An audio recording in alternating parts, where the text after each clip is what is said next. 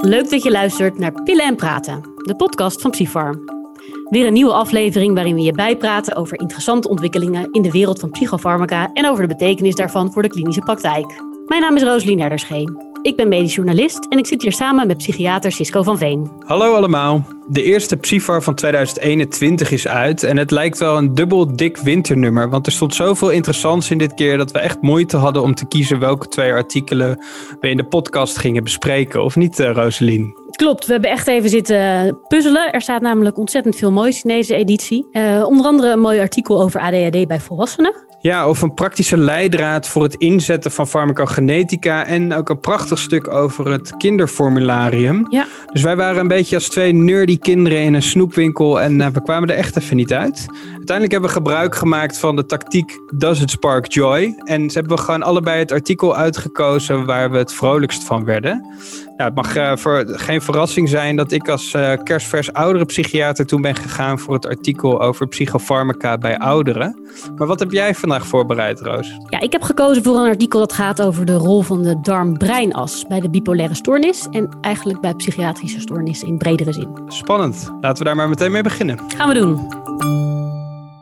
Rosalien, jij neemt ons vandaag mee de darmen in op excursie naar het microbioom. Van waar uh, dit uitstapje? Ja, klopt. Ja, ik vind dat een fascinerend beeld om voor te stellen. Biljoenen krioelende microben overal eh, in en op je lichaam. En dan dus in het bijzonder in je darmen. En nog fascinerender wordt het als je je voorstelt dat de organismen in contact staan met je hersenen. Nou, wie daar nog veel enthousiaster over is dan ik, is de Ierse neurowetenschapper John Cryan. Luister even mee naar een kort fragment van hem.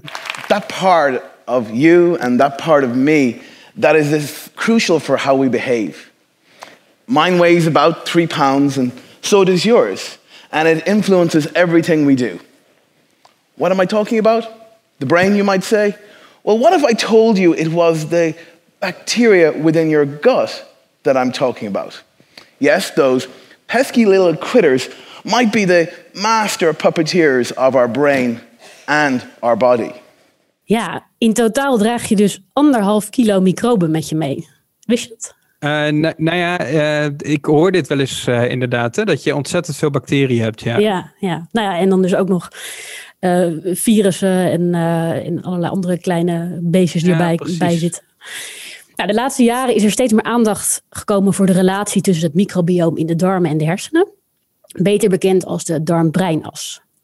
Nu is de Engelse taal eigenlijk al doorspekt met die relatie. Luister nog even wat Brian daarover zegt. What's in our gut can affect our emotion?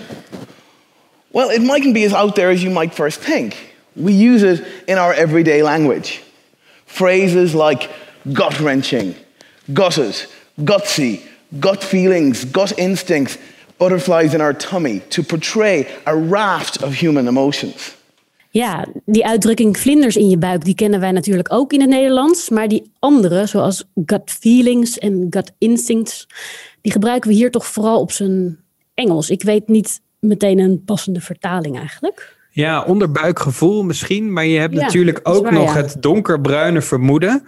Misschien ook iets met uh, darmen gerelateerd? ja, dat, dat had ik even nagezocht. Maar bruin heeft daar dan niet direct betrekking op de kleur, maar meer op de verouderde betekenis zorgwekkend. Ja, kijk eens. Ik las dat bruin weer in zeemanstaal ruw onstuimig weer schijnt te zijn. Kijk eens, een klein taalkundig lesje. Allemaal gratis en voor niks bij de Psyfar podcast. Maar laten we terug naar de wetenschap. Ja, je hebt gelijk. Terug naar het menselijk lichaam. Hey, misschien dat jij je John Cryan ook nog herinnert van het voorjaarscongres, het grote psychiatriecongres twee jaar geleden. Ja, ontzettend leuke spreker. Hij, hij slist een beetje wat hem heel innemend maakt, maar zijn verhaal is minstens zo indrukwekkend. Ja, hij had echt een, een vlammend verhaal over die darmbrei-as en um, schetste een prachtig vergezicht eigenlijk van hoe mooi zou het zijn als we op een dag begrijpen wat de invloed van het microbioom is op het ontstaan van bijvoorbeeld depressie. En wat we daarmee ook aan uh, nieuwe behandelopties zouden kunnen vinden. Ja, ja dat, dat kan ik me ook nog herinneren dat het veelbelovend was, maar nog best uh, bazaal allemaal. Zeker, ja. Want zover is het, is het echt nog lang niet. Maar er gebeurt wel heel veel op dit gebied. En omdat ik het zo'n aansprekend onderwerp vind, vond ik het leuk om te zien dat er in deze PIFAR een artikel geschreven is door Jenny Bork Kent, ik hoop dat ik het goed zeg, en collega's van het UMC Groningen. Dat inzoomt op de rol van de darmbreinas bij de bipolaire stoornis. Bipolaire stoornis, interessant. Wat, wat was de aanleiding om hier specifiek naar te kijken? Ja, ik weet niet of het de directe aanleiding voor de auteurs was, maar ze beginnen het artikel met een casus over antibiomania. Kijk eens, dat is een woord wat ik nog niet ken, moet ik eerlijk toegeven. Ja, kijk, nou, zeldzaam. nou, dat valt wel mee hoor. Ik zal die uh, casus in het kort even, even beschrijven. Het gaat om een 14-jarig meisje met uh, diarree en overgeven en koorts. En zij krijgt in het ziekenhuis het antibioticum ciprofloxacine toegediend. Vanwege het vermoeden van een acute gastroenteritis. Nou, na twee dagen ontwikkelt ze abnormaal gedrag, namelijk zingen, dansen op de afdeling, overdreven lachen, irritatie, veel eisend gedrag en een verminderde behoefte aan slaap en een opgetogen stemming. Kijk eens, ik heb een donkerbruin vermoeden dat hier een consult naar de psychiater aan zit te komen. Dat klopt. Ze wordt verwezen naar de afdeling psychiatrie. En het zal jou niet verbazen waarmee ze wordt gediagnosticeerd. Ja, nou, ik denk met mijn uh, nieuwe lievelingswoord, de antobiomania.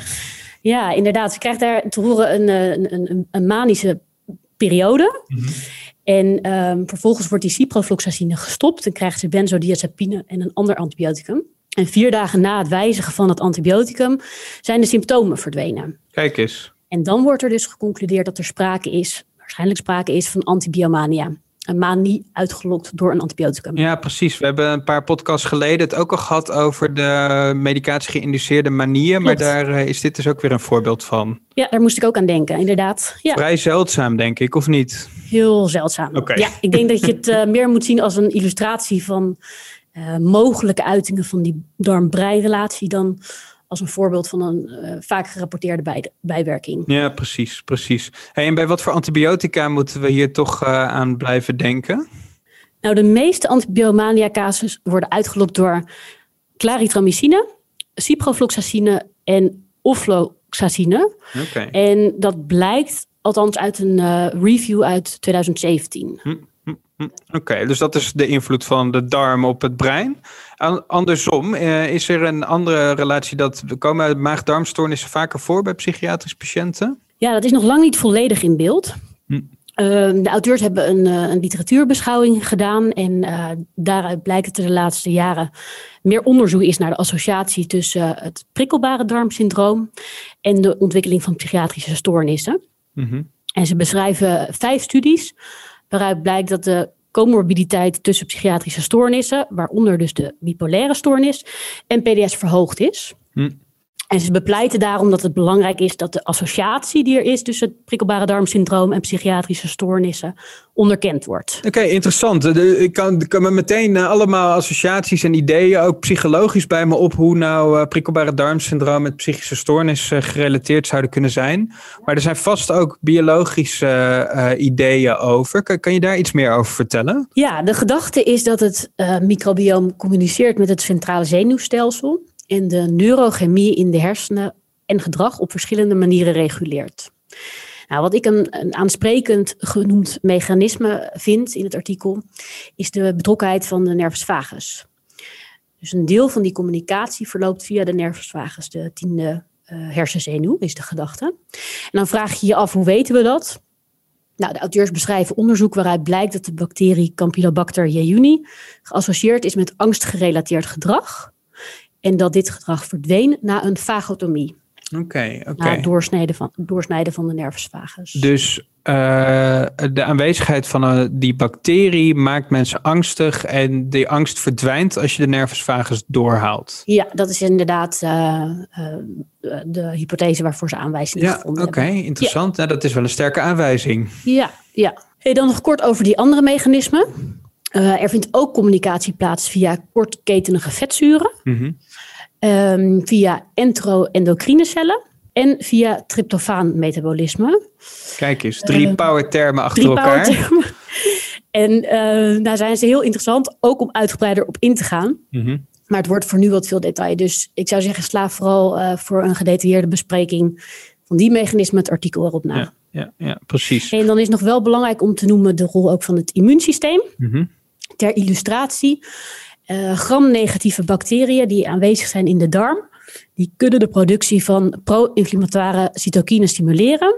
En wanneer die bacteriën via de darmwand de circulatie inlekken, uh, ook wel bekend als de leaky gut, dan draagt dat bij aan immuunverstoringen. En dat is dan weer geassocieerd met bipolariteit. Oké, interessant. Ik hoor allerlei interessante associaties en ook mooie uh, theorieën over hoe dit allemaal in elkaar steekt. Maar nu de vraag waar Psyfar groot mee is geworden. Wat kan ik hier morgen mee uh, als klinicus in de spreekkamer? Heb, hebben de auteurs daar ook een antwoord op? Ja, nou dat is natuurlijk een hele terechte vraag. En het klopt, het is een best technisch verhaal.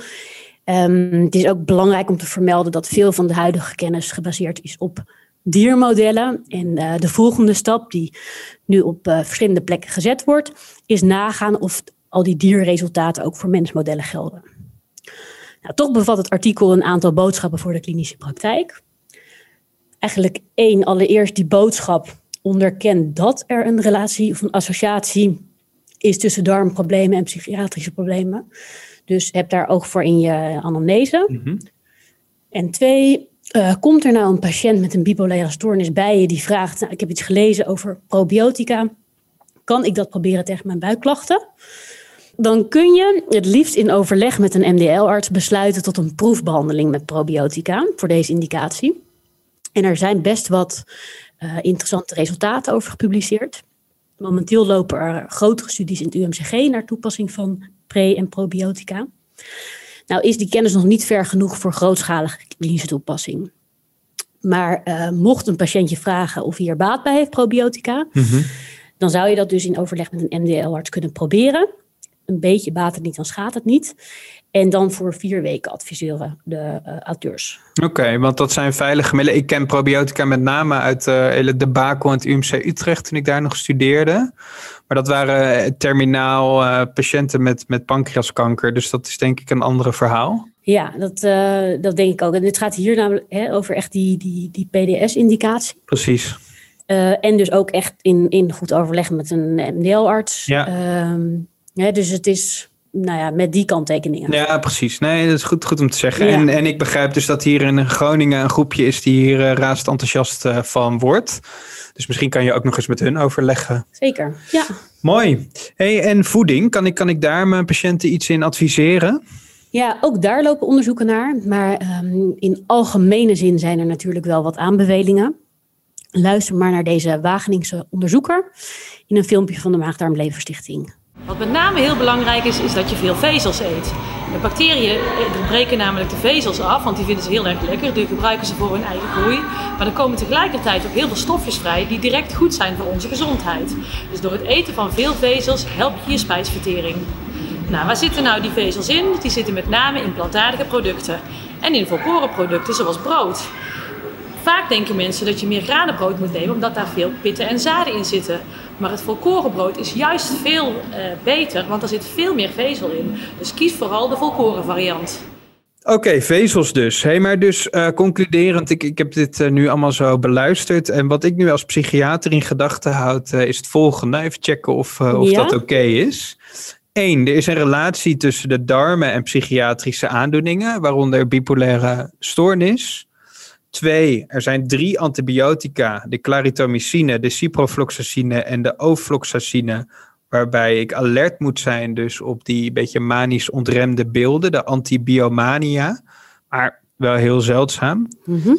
En drie is dat er dus een boeiende tak van wetenschap helemaal aan het ontspruiten is, uh, met name in Nederland, in Groningen, maar dus ook uh, onder andere in Ierland. Uh, over de gut-brain axis, maar dat dat echt nog wel een beetje in de kinderschoenen staat. Ja, nou dat lijkt me een, uh, een hele goede opzomming.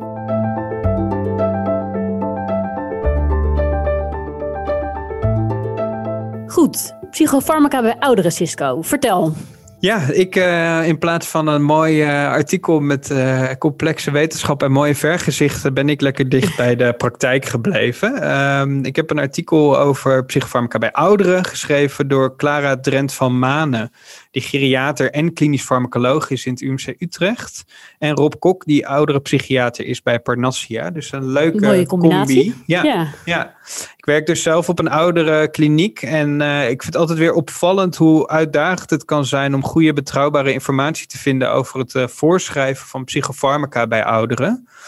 Um, ik, ik haal dat toch altijd uit verschillende bronnen. Dus, dus onder andere Molenman, maar ook het handboek Ouderenpsychiatrie. En soms ga ik toch weer naar het kompas. Maar ik ben daar toch altijd een beetje dat bij elkaar aan het schrapen. Ja. En wat ik leuk vind is dat dit artikel, zij het vluchtig, want het is maar één artikel, uh, veel van die bronnen bij elkaar brengt.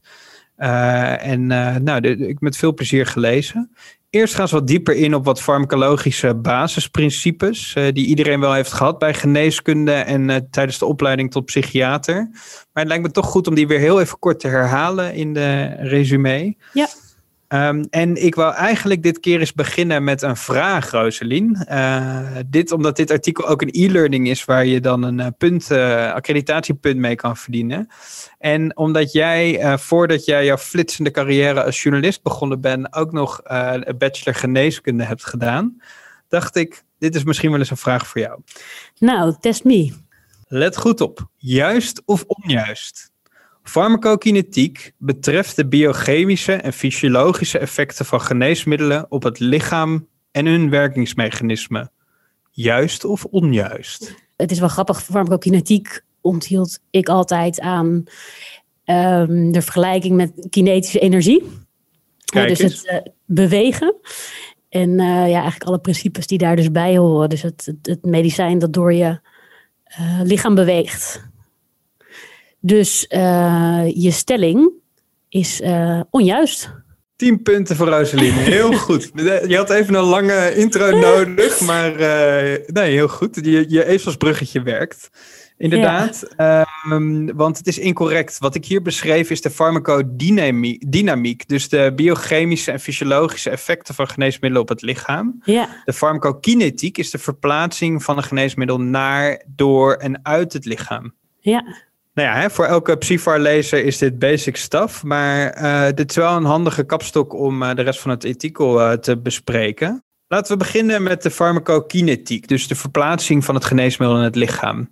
Dit hele proces kan je weer opdelen, ook weer in verschillende stadia. En die zullen ook wel bekend klinken. We beginnen bij de absorptie, daarna volgt de distributie, ja. metabolisme en uiteindelijk de excretie, de uitscheiding. Ja. Elk van deze processen wordt beïnvloed door de ouderdom en het artikel gaat hier uh, in detail op in. Maar ja, dat, dat voert iets te ver voor deze podcast. Um, nou ja, dus voor wie echt de diepte in wil, die uh, kan dat nalezen in het artikel. Maar kan je kort uitleggen hoe leeftijd de farmacokinetiek beïnvloedt? Ja, dus dan, dan kunnen we het het beste aan de hand van die vier stappen doen. Ja. Het is belangrijk om te zeggen dat voor elke verandering in een van deze processen vaak ook weer een tegengestelde verandering is. Dus het is moeilijk om te zeggen dat het heel duidelijk één richting op verandert. En dan heeft het ook nog allerlei eigenschappen van de verschillende medicijnen te maken. Hoe dat verandert bij de ouderdom. Dus de farmacokinetiek is gewoon complex in relatie tot ouderdom. Mhm. Om te beginnen met de absorptie. Uiteindelijk kan echt wel gezegd worden dat er van alles verandert uh, qua absorptie naarmate mensen ouder worden. Maar omdat uh, zowel uh, aan de ene kant als aan de andere kant van de absorptiesnelheid veranderingen zijn, blijft dat wel enigszins in balans. In ieder Mhm. geval, dat is wat de auteurs zeggen. En ik neem hun expertise graag aan uh, op dit gebied. Um, dan de distributie. Die wordt vooral uh, beïnvloed doordat ouderen relatief meer vet en minder vocht in hun lichaam hebben. En dan bijvoorbeeld voor een uh, heel sterk hydrofiel middel als lithium uh, kan dat betekenen dat de spiegel stijgt. Maar dit geldt dus niet voor alle middelen weer. Het metabolisme verandert uh, vooral doordat de lever kleiner wordt en minder door bloed raakt. Dit kan vooral het first pass effect beïnvloeden. En dat is met name belangrijk voor opiaten, wat, uh, wat, wat bij ouderen betekent dat er een hogere concentratie van de opiaten voorbij die lever komt in de centrale circulatie. Dus dat zou betekenen dat je dat wat lager moet uh, doseren. Dan tenslotte hebben we nog de excretie, de uitscheiding, die vooral door de nieren plaatsvindt. En daar moet je goed rekening houden dat de nierfunctie met de jaren afneemt. Ja. Hey, dus dit waren heel keurig vier stappen van de farmacokinetiek. Mm -hmm.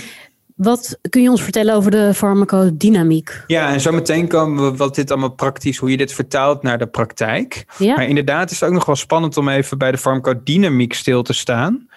Uh, dus dat zijn de biochemische en fysiologische effecten van geneesmiddelen op het lichaam. Um, de auteurs lopen hier eigenlijk een paar neurotransmittersystemen langs uh, die veranderen met de leeftijd. Onder andere het GABA-systeem, waarvan de sensitiviteit toeneemt.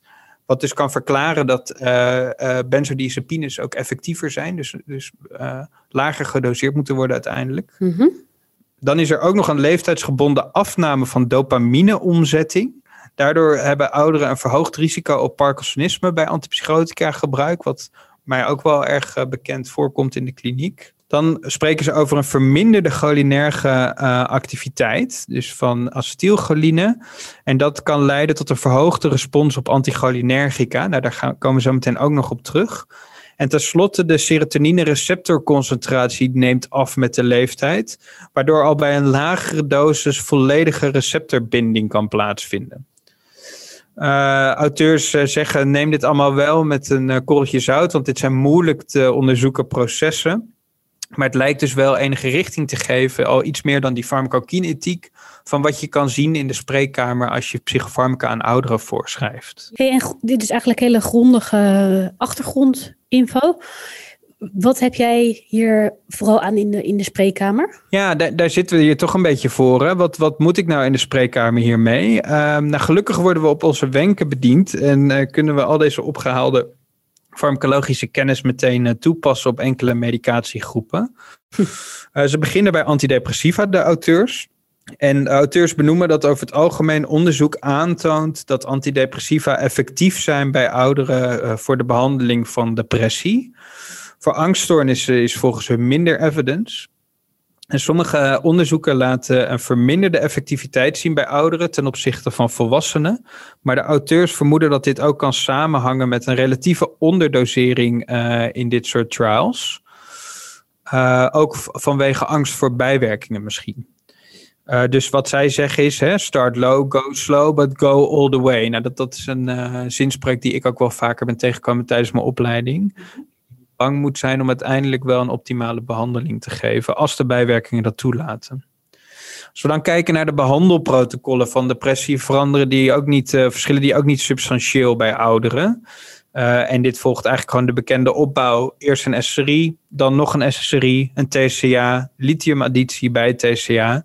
Dan uh, hebben ze het over mouwremmers, maar daar zetten ze zelf een flink vraagteken bij, omdat daar minder onderzoek voor zou zijn. En ook onderzoek bij ouderen wat de effectiviteit van mouwremmers in uh, twijfel trekt. En dan tenslotte is ECT een zeer effectieve behandeling ja. bij ouderen. Hey, en dan hoor ik je dus zeggen, uh, grofweg, of ja, veelal dezelfde medicamenteuze behandeling van depressie bij ouderen als bij uh, jongere volwassenen.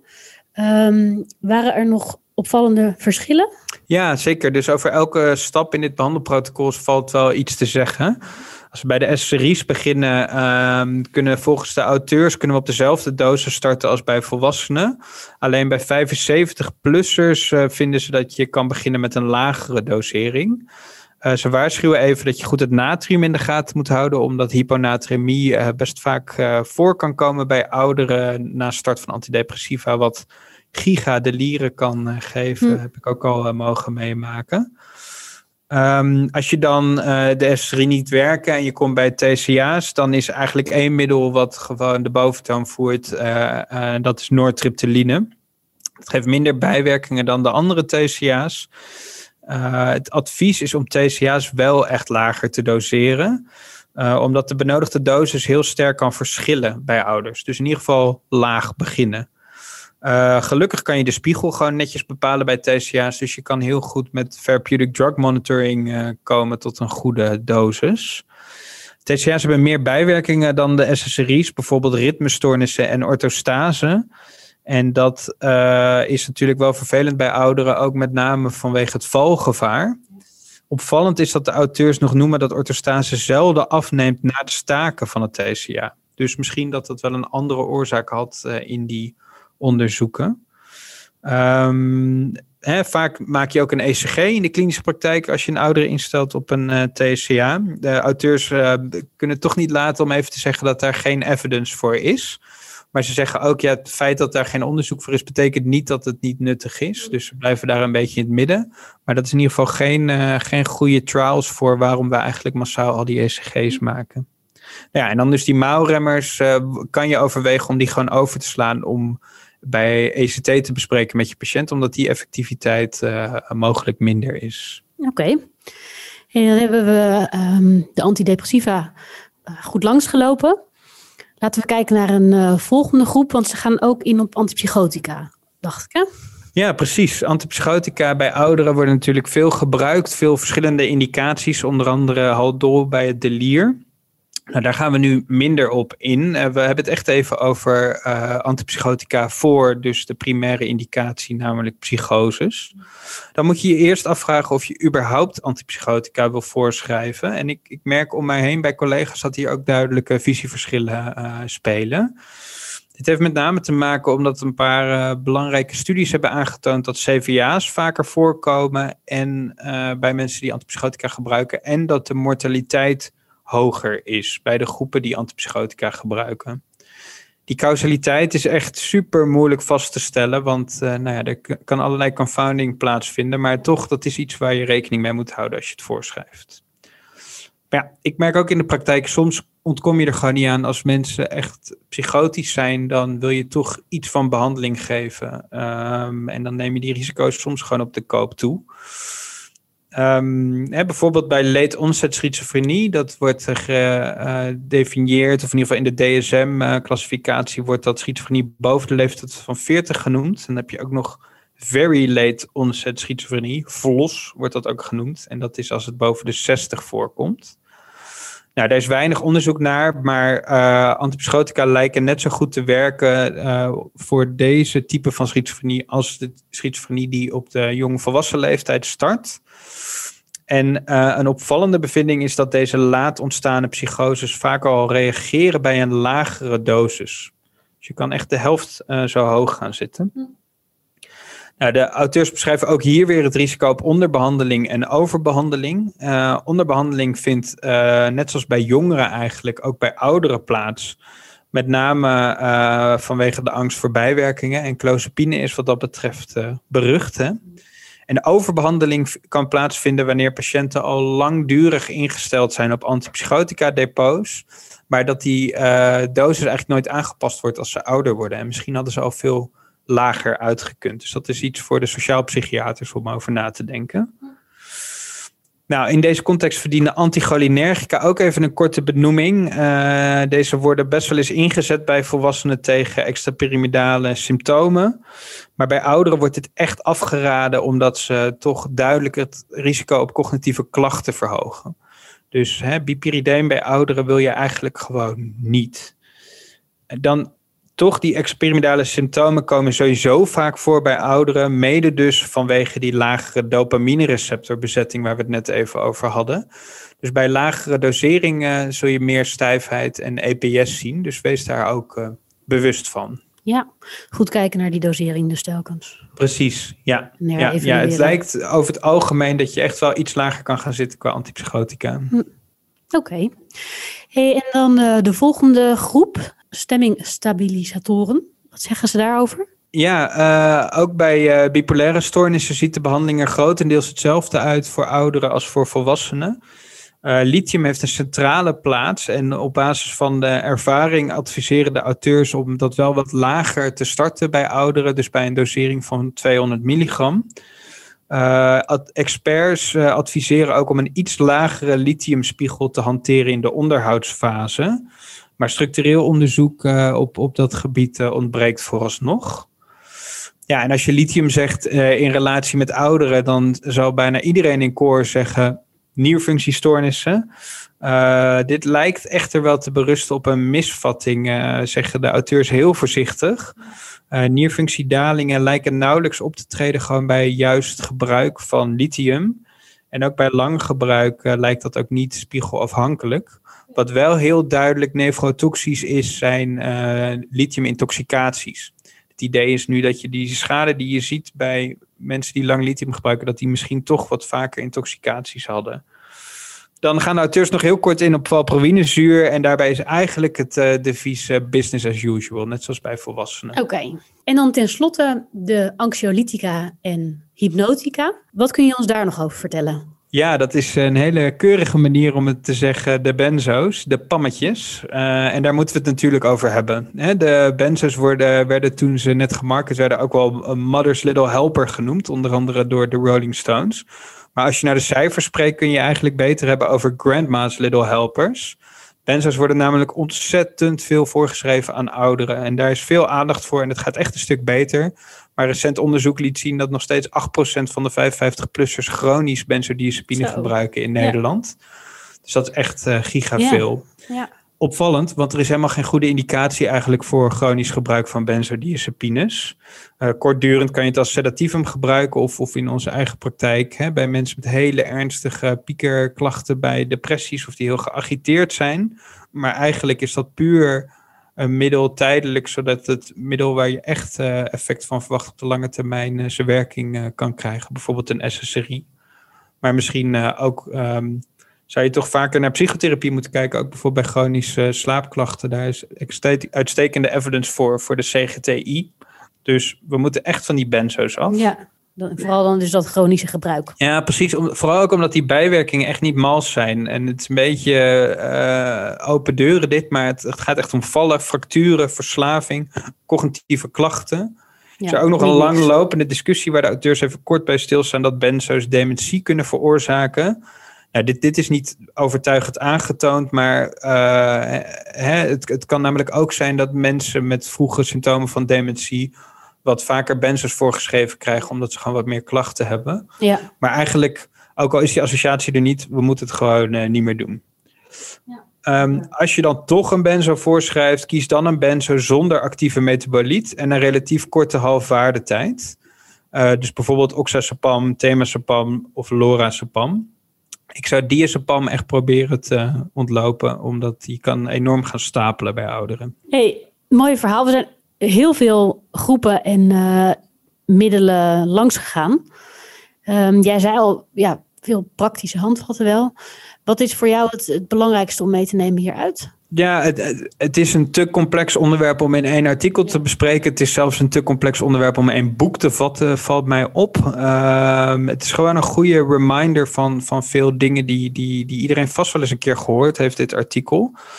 Een belangrijke take-home was dat de invloed van, uh, van hoge leeftijd op de farmacokinetiek en de farmacodynamiek is best complex dus je kan niet zeggen, nou, dit, dit, voor alle middelen gaat dit één kant op. Of je moet bijvoorbeeld alle middelen sowieso lager doseren. Nee. Uh, daar, daar is het echt wel te complex voor.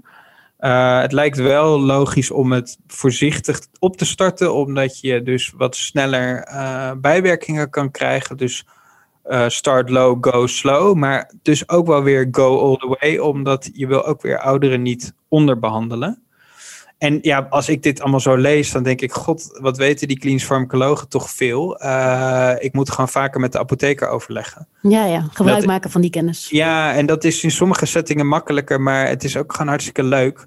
En um, ik voel me ook wel gesterkt door deze complexiteit even zo in vogelvlucht te zien, dat, dat, dat dit gewoon een heel apart vak is. Ja waarin ik gewoon soms uh, de expertise van mijn collega's nodig heb. Dus ja. um, nou, lijkt me mij zeg ik dit vaker, maar ik ga gewoon weer wat vaker bellen. Heel goed. Weten jullie dat hij eraan komt, jongens? Oké, hiermee zijn we het eind gekomen van deze aflevering, waarin we een uitstapje maakten uit de wonderenwereld van het microbioom en de relatie ervan met de psychiatrie. En we hebben jullie meegenomen langs de belangrijke inzichten over psychofarmaca bij ouderen. Ja, en wat we in het begin al zeiden, het was lastig kiezen wat we zouden bespreken in deze aflevering, want er staan veel meer interessante bijdragers in de nieuwe Psyfar. Lees bijvoorbeeld vooral het artikel over stotteren als bijwerking van geneesmiddelen. Um, en uh, over de inzichten van uh, psychiater in opleiding Tim Walraven. Want hij geeft in een interview zijn visie op de opleiding tot psychiater. Ga dat lezen. Dit was hem voor nu. We horen natuurlijk graag wat jullie van deze podcast vinden. Dit kan via het platform waarop je deze podcast luistert, maar ook via podcast.psyfar.nl. En je kan ons ook helpen door deze podcast een beoordeling te geven. Dat helpt anderen ook weer om hem te vinden. Voor nu was dit hem en tot de volgende keer. Yes, tot de volgende keer.